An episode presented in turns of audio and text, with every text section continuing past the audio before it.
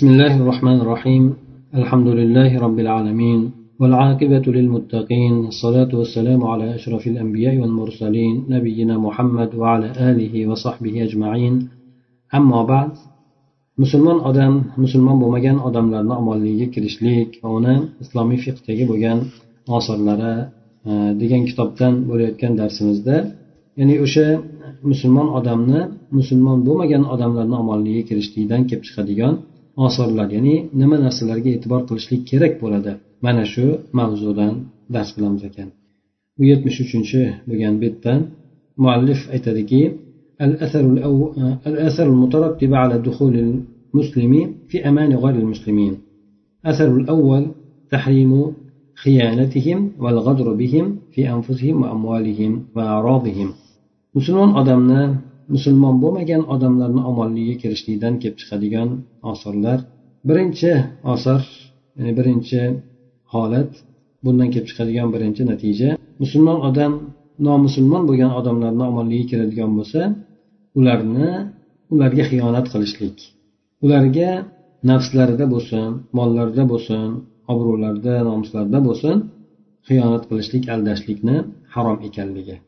albatta bu yerdagi osorlarni keyinchalik har birini alohida tafsiloti bilan aytib o'tiladi shuning uchun bu yerda tafsilotlarga ko'p to'xtamasdan qo'yaveramiz الأثر الثاني معاملة الكفار على أساس أنهم يملكون أموالهم ملكا صحيحا ولا يجوز للمسلم أن يستولي عليها إلا بوجه أذن به الشرع الحنيف ikkinchi natijasi samarasi kofir bo'lgan odamlarga bular o'zi aslida mol mulklarini to'g'ri suratda egallashgan degan asosga ko'ra muomala qilishlik. Ya'ni insonni agar u molini to'g'ri suratda e, to'g'ri durust suratda egallagan bo'lsa uni moliga nisbatan har qanday tajovuz harom bo'ladi. Ana shunday degan suratda muomala qilishlik.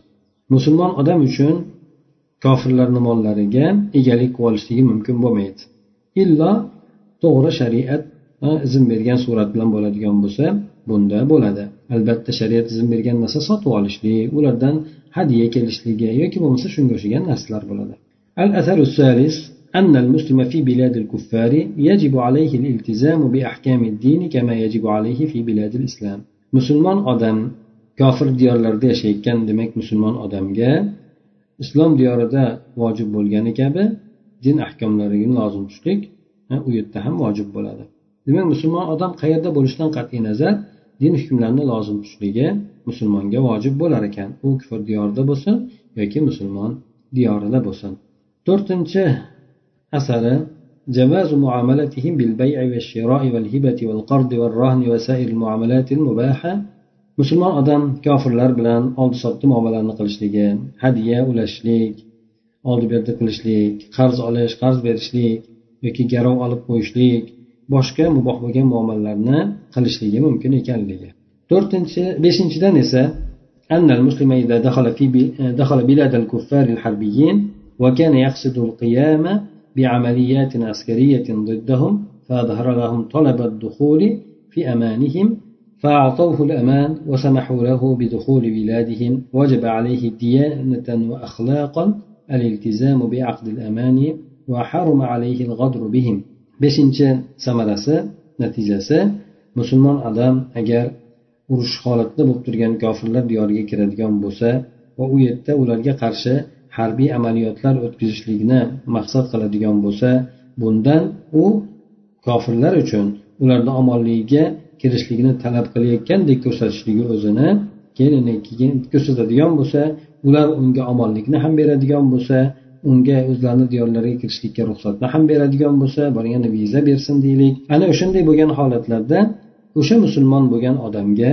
din jihatidan ham axloq insoniylik jihatidan ham o'sha omonlik aqdini lozim tutishligi vojib bo'ladi hamda ularga xiyonat qilishligi ularni aldashligi bu o'rinda harom bo'ladi al asar السادس إذا دخل جماعة من المسلمين في أمان قوم من الكفار الحربيين ثم قامت الحرب بينهم وبين جماعة أخرى من المسلمين. لم يجوز لأولئك المسلمين المستأمنين نصرة إخوانهم المسلمين إلا بعد أن يلغوا عقد الأمان مع أولئك الكفار ويعلموهم بذلك. Oltinchi natijasini aytadiki agar musulmonlardan bir majmuasi urush holatida bo'lib turgan kofir qavmlarni omonligiga kirib qoladigan bo'lsa ya'ni ularga omonlik oladigan bo'lsa so'ng ular bilan boshqa bir musulmonlar jamoasini o'rtasida ya'ni kofirlar bilan boshqa musulmonlar jamoasini o'rtasida jang qoyim bo'lib qoladigan bo'lsa jang boshlanib qoladigan bo'lsa omonlik so'rab kirgan musulmon odamlarga o'zlarini musulmon birodarlariga yordam berishligi mumkin bo'lmaydi bu o'rinda.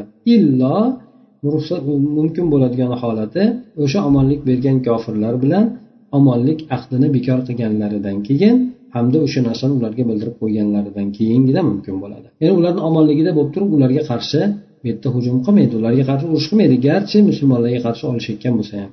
Illo o'sha yerda ularga omonligini qaytarib berib uni e'lon qilgandan keyin o'zini birodarlariga yordam berishliklari mumkin bo'ladi. Yettinchi asari esa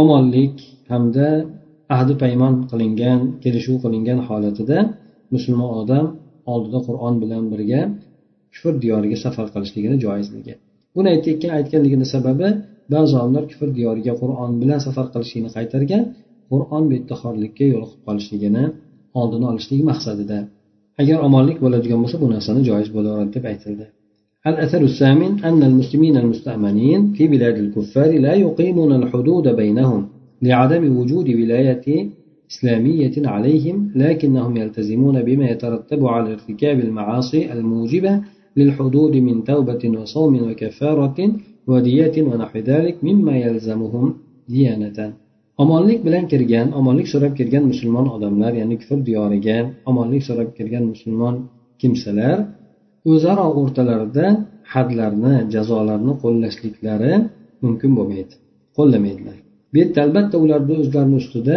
islomiy va viloyatni viloyat mavjud bo'lmaganligi uchun ya'ni ustlarida islomiy bir hukmronlik bo'lmaganligi uchun o'zaro o'rtalarida shariat hukmlarini e, xosatan hadlarni qoyim jazolarni qo'llashligi mumkin emas. Sababi nimaga? Sababini aytiladiki bu yerda o'zi aslida kufr diyorida ba'zi bir hukmlarni qo'llashi mumkin emasligi garchi islomiy viloyat bo'ladigan bo'lsa ham sababi o'sha musulmon odam jazo qo'llaniladigan musulmon bo'lgan odam kofirlar tomoniga o'tib ketib qolishligi. Hmm, bu yerda o'sha jazodan qutulishlik uchun ular tomonga qochib ketib qolishligi ular diniy kirib ketib qolishligi shu narsalarni xatari bo'lganligidan bu yerda qaytariladi. Lekin bu yerda musulmonlar albatta o'sha hadlarni lozim tutib turadigan gunohlarni qilishlikdan kelib chiqadigan tavba bo'lsin Э, uni ro'za tutishlik bo'lsin ba'zi nimalarda kaforat hamda diya to'lashlik bo'lsin bu narsalarni lozim tutaveradi endi. Faqatgina hadlarni masalan o'g'rini qo'lini kesmaydi zinokorni toshbo'ron qilmaydi odam o'ldirgandan o'ch olmaydi balki bu yerda e, tavba qilishlik bulardan talab qilinadi. O'sha kafforat uchun ro'za tutishlik kerak bo'ladigan bo'lsa ba'zi kafforatlarda bu narsa lozim ro'za tutiladi. E, kafforat to'laydi masalan qul ozod qilishlik bo'ladimi yoki diya to'laydi. ana shunday bo'lgan narsalarni qilaveradi lekin aytib o'tganimizdek bu hadlarni qoyim qilinmaydi albatta bu narsalar o'sha musulmon odamlarga din jihatdan lozim bo'ladi endi din jihatidan ular tavba qilishliklari ro'za tutishligi kafforat berishligi shu narsalar demak lozim bo'ladi ana o'sha narsalarga murojaat qiladi al asar yettinchi bo'lgan natija أن المسلم المقيم في بلاد الكفار ينبغي عليه أن يعاملهم بالحسنى ويدعوهم إلى الإسلام ويتألفهم بموافقتهم في غير ما حرمه الله تعالى ولا يرتكب ما يحمله على النفرة من الدين الحق ولا يثيرهم بتصرف يحملهم على إذائه والإضرار به. كفر ديار ديشة ترغن مسلمان بغن أدم جا ularga ya'ni kofirlarga chiroyli muomala qilishligi ularni islomga da'vat qilishligi ularni olloh harom qilgan narsadan boshqalardan ya'ni olloh harom qilmagan narsalarda mos kelishlik bilan ularni o'zlariga ulfat tutishlikka harakat qilishligi hamda ularni haq dindan nafratlantirib qo'yishlikka olib boradigan narsalarni qilmaslik va yana ularni u odamga ozor berishlik zarar berishlikka undab qo'yadigan bir tasarrufotlarni ham qilmasligi kerak bo'ladi. Demak bu yerda musulmon bo'lgan odam albatta muomalani chiroyli qilishi kerak bo'ladi. Ularni dindan nafratlanadigan nafratlantirib qo'yadigan narsalardan chetlanishligi kerak bo'lar ekan. o'ninchi asar esa yajibu alal muslimi an yahfaza liman ahsana alayhi min al kufari jamila va yashkurahu ala ihsani va yuqabilahu bil wafai wal jamil dhikri va al-khayri. musulmon bo'lgan odamga ya'ni kufr diyorida yashayotgan musulmon bo'lgan odamga kofirlardan qaysi bir unga yaxshilik qiladigan bo'lsa uni qilgan yaxshiligini saqlab qolishligi va uni qilgan yaxshiligiga shukur tashakkur aytishligi rahmat aytishligi va uni qilgan yaxshiligini vafodorlik bilan qabul qilishligi va uni chiroyli bo'lgan zikrini yaxshilik riyoda qilishligi bilan yo'q ro'para bo'lishligi. Mana shu narsa demak musulmon bo'lgan odamga vojib bo'ladi. Har kimki birovga yaxshilik qiladigan bo'lsa albatta qilgan yaxshiligiga rahmat aytishlikka tashakkur aytishlik kerak. Bu odam musulmon bo'ladimi kofir bo'ladimi albatta bu umumiy bo'lgan holatni holatga dalolat qiladi. Endi bu yerda birinchi buni natijasini ko'radigan bo'lsak تحريم خيانتهم والغدر والغدر بهم في أنفسهم وأموالهم وأعراضهم. كافر لردي خيانات قلشليك. ولرد مالا ربوسون أبرو ربوسون جال ربوسون من شو نصد ولرد عردشليك ولرد خيانات قلشليكنا حرام إيكال لك مالفة إن صدق في القول والعدل في المعاملة والوفاء بالوعد والأداء للأمانة والالتزام بموجبات العهود والمواثيق المشروعة. كل ذلك من الواجبات الشرعية اللازمة لكل مسلم. لا يختلف في وجوبها أحد من المسلمين فهو متقرر بنصوص كثيرة من القرآن الكريم والسنة النبوية الصحيحة وعليه أجمع علماء الإسلام وأقر به المسلمون جيلا بعد جيل. albatta gapdagi bo'lgan rostgo'ylik muomaladagi bo'lgan adolatlilik va'daga vafo qilishlik omonatni ado etishlik mashru bo'lgan shar'an joiz bo'lgan ahdi paymonlar bo'lsin kelishuvlar bo'lsin ana o'sha narsalarni lozim tutiladigan narsalarni ushlashlik va lozim tutishlik mana shu narsalarni hammasi bu har bir musulmon uchun lozim bo'lgan shar'iy vazifalardan sanaladi.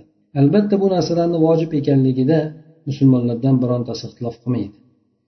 Bu narsa qur'oni karimni ko'plab hamda sunnat nabaviyani ko'plab nususlarda iboralarda qaror topgandir. Mana shu narsaga islom ulamolari ham ijmo qilishgan musulmonlar esa avlodma avlod bu narsaga iqror ham bo'lishgan وقد امتدح الله تعالى المؤمنين الصادقين المفلحين بأنهم في أماناتهم وعهدهم راعون وأمرهم بالوفاء بالعقود التي يلتزمون بها. فقال تعالى يا أيها الذين آمنوا أوفوا بالعقود. وأجمع أهل التفسير على أن معنى العقود العهود. كما ذكر الإمام ابن, جبر ابن جرير الطبري رحمه الله وقال والعقود جمع عقد وأصل العقد عقد الشيء بغيره وهو وصله به كما يعقد الحبل بالحبل إذا وصل به شدا. يقال منه عقد فلان بينه وبين فلان عقدا فهو يعقده وذلك إذا وافقه على أمر وعاهده عليه عهدا بالوفاء له بما عاقده عليه من أمان وذمة ونصرة أو نكاح أو بيع أو شركة شركة أو غير ذلك من العقود مؤلف aytadiki alloh taolo rostgo'y bo'lgan zafar topuvchi bo'lgan mo'minlarni shunday deb maqtaydi bular ahdlariga rioya qilib omonatlariga va ahdlariga rioya qiluvchidirlar alloh taolo ularni lozim tutgan ahdlariga vafo qilishlikka buyuradi shundan aytadiki ey iymon keltirgan kimsalar ahdlaringizga vafo qilinglar. Ahli tafsir ya'ni mufassirlar bu yerdagi aqddan murod ahdlar ya'ni kelishuvlar ekanligiga ijmo qilishgan. Buni imom ibn jabariy ibn jarir tobariy rahmaulloh ham mana shu narsani zikr qilib o'tgan. Aytadiki bu kishi uqud degani bu ahdni jami bo'ladi. Ahdni asli esa bir odam boshqa bir narsa bir narsani bir boshqa bir narsa bilan bog'lashligi. Ya'ni uni o'rtasini bog'laydi shu bilan. Xuddi mana ipni ipga bog'lagani kabi.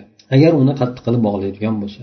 Yana o'shandan aytiladiki aqada fulanun baynahu va bayna fulan aqdan falonchi o'zi bilan boshqani o'rtasida kelishuv qilibdi. U demak o'sha kelishuv qilyapti degan mazmunda bo'ladi. Bu narsa esa agar bir ishga ishonch hosil qiladigan bo'lsa bir odam bilan. Va uni ustida vafo qilishlikka ahdlar qiladigan bo'lsa ahd qilgan usti zimmasida ahd qilgan narsasiga vafo qilishlikka ahd qiladigan bo'lsa mana shunday bo'lgan.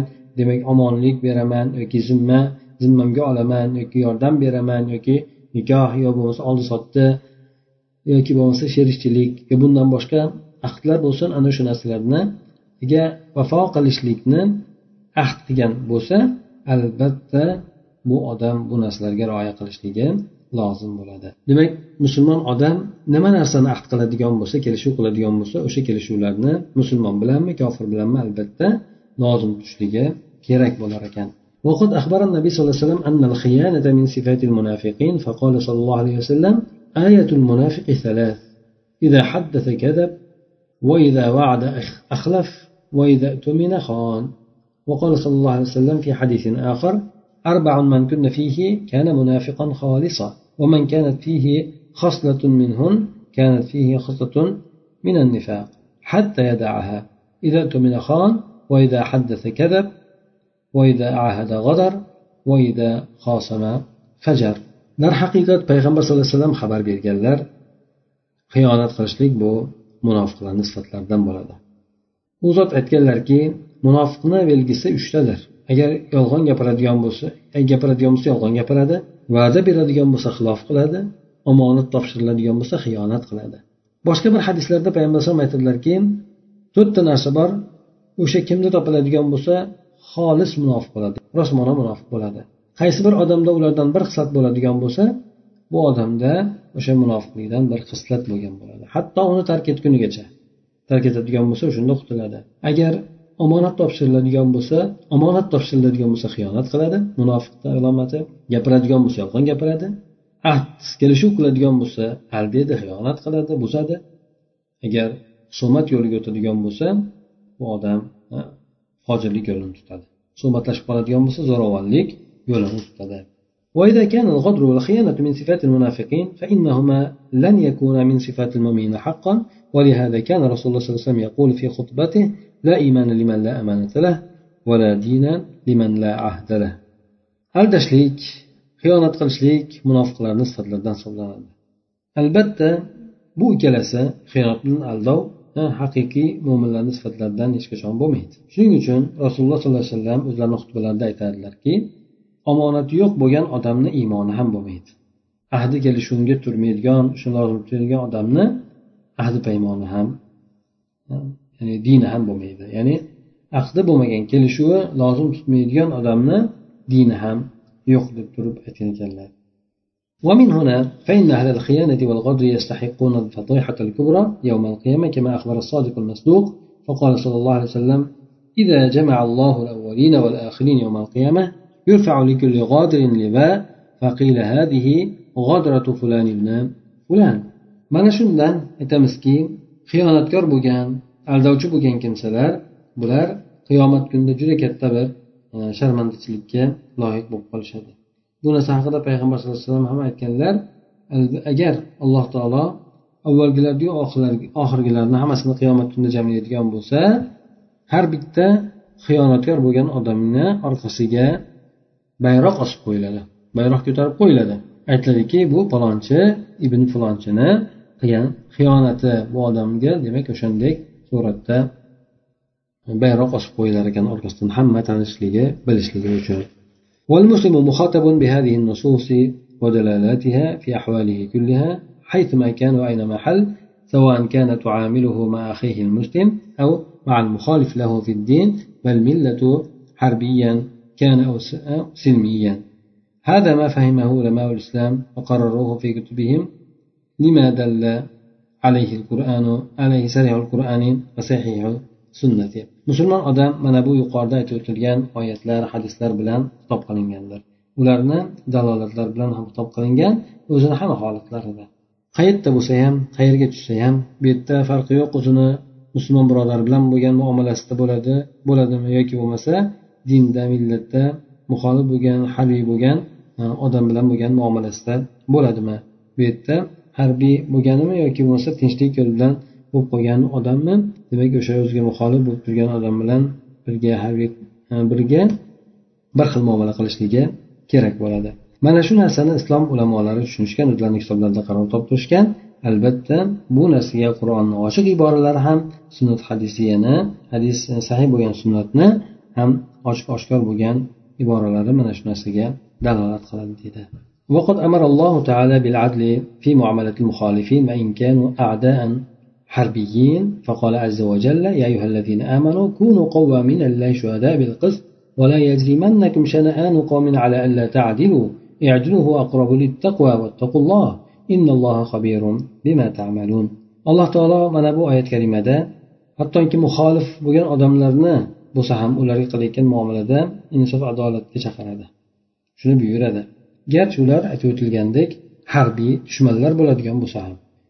Zero alloh taolo aytadiki ey iymon keltirgan kimsalar sizlar alloh taolo uchun qoyim turuvchi bo'linglar. Ibodatda mahkam turinglar adolatga guvoh bo'linglar. Sizlarni bir qavmni yomon ko'rishliklaringiz ularga nisbatan adolat qilmasliklaringizga olib borib qo'ymasin. Adolat qilaveringlar. Mana shu adolat qilishlaringiz esa ular uchun yaxshiroqdir demak. Adolat qilinglar demak adolat qilishinglar taqvoga yaqinroq demak alloh taolodan qo'rqinglar demak adolat qilinglar degani. Alloh taolo sizlar qilayotgan narsalarni barchasidan xabardor bo'lgan zotdir. قال الإمام ابن جرير الطبري رحمه الله في تفسيره هذه الآية يعني بذلك جل ثناؤه يا أيها الذين آمنوا بالله وبرسوله محمد ليكن من أخلاقكم وصفاتكم القيام لله شهداء شهداء بالعدل في أوليائكم وأعدائكم ولا تجوروا في أحكامكم وأفعالكم فتجاوزوا ما حددت لكم في أعدائكم بعداوتهم لكم ولا تقصروا فيما حددت لكم من أحكامي وحدودي في أوليائكم لولايتهم, لولايتهم لكم. ولكن انتهوا في جميعهم إلى حد واعملوا فيه بأمري. ولا يحملنكم عداوة قوم على ألا تعدلوا في حكمكم فيهم وسيرتكم بينهم فتجوروا عليهم. من أجل ما ينفعكم ما بينكم وبينهم من العداوة imom ibn jarir babariy rahmaulloh mana bu oyat karimani tafsirida aytadilarki olloh jalla shanuhu ya'ni sana alloh taolo ya'ni maqtovi buyuk bo'lgan alloh taolo bu bilan shuni qasd qiladiki bu oyat bilan ey iymon keltirgan kimsalar alloh va rasuliga iymon muhammad sallallohu alayhi vasallamga iymon keltirgan kimsalar sizlarni axloqlaringizdan va sifatlaringizdan alloh uchun qoyim turishlik bo'lsin. Alloh uchun turishlik bo'lsin. Fi avliyaikum adaikum. Demak bu adolat bilan turishlik shuhada bil adli ya'ni adolatga guvoh bo'linglar. O'zlaringizni do'stlaringizga nisbatan ham dushmanlaringizga nisbatan ham. Sizlar o'zlaringizni hukmlaringizda qilayotgan ishlaringizda jabr zulm qilmanglar. Bas unda men sizlar uchun dushmanlaringiz borasida ularga dushmanlik qilganliklaringiz sababli men belgilab qo'ygan narsalardan o'tib ketib qolasizlar. Men belgilab qo'ygan chegaralardan o'tib ketib qolasizlar bular dushman deb turib.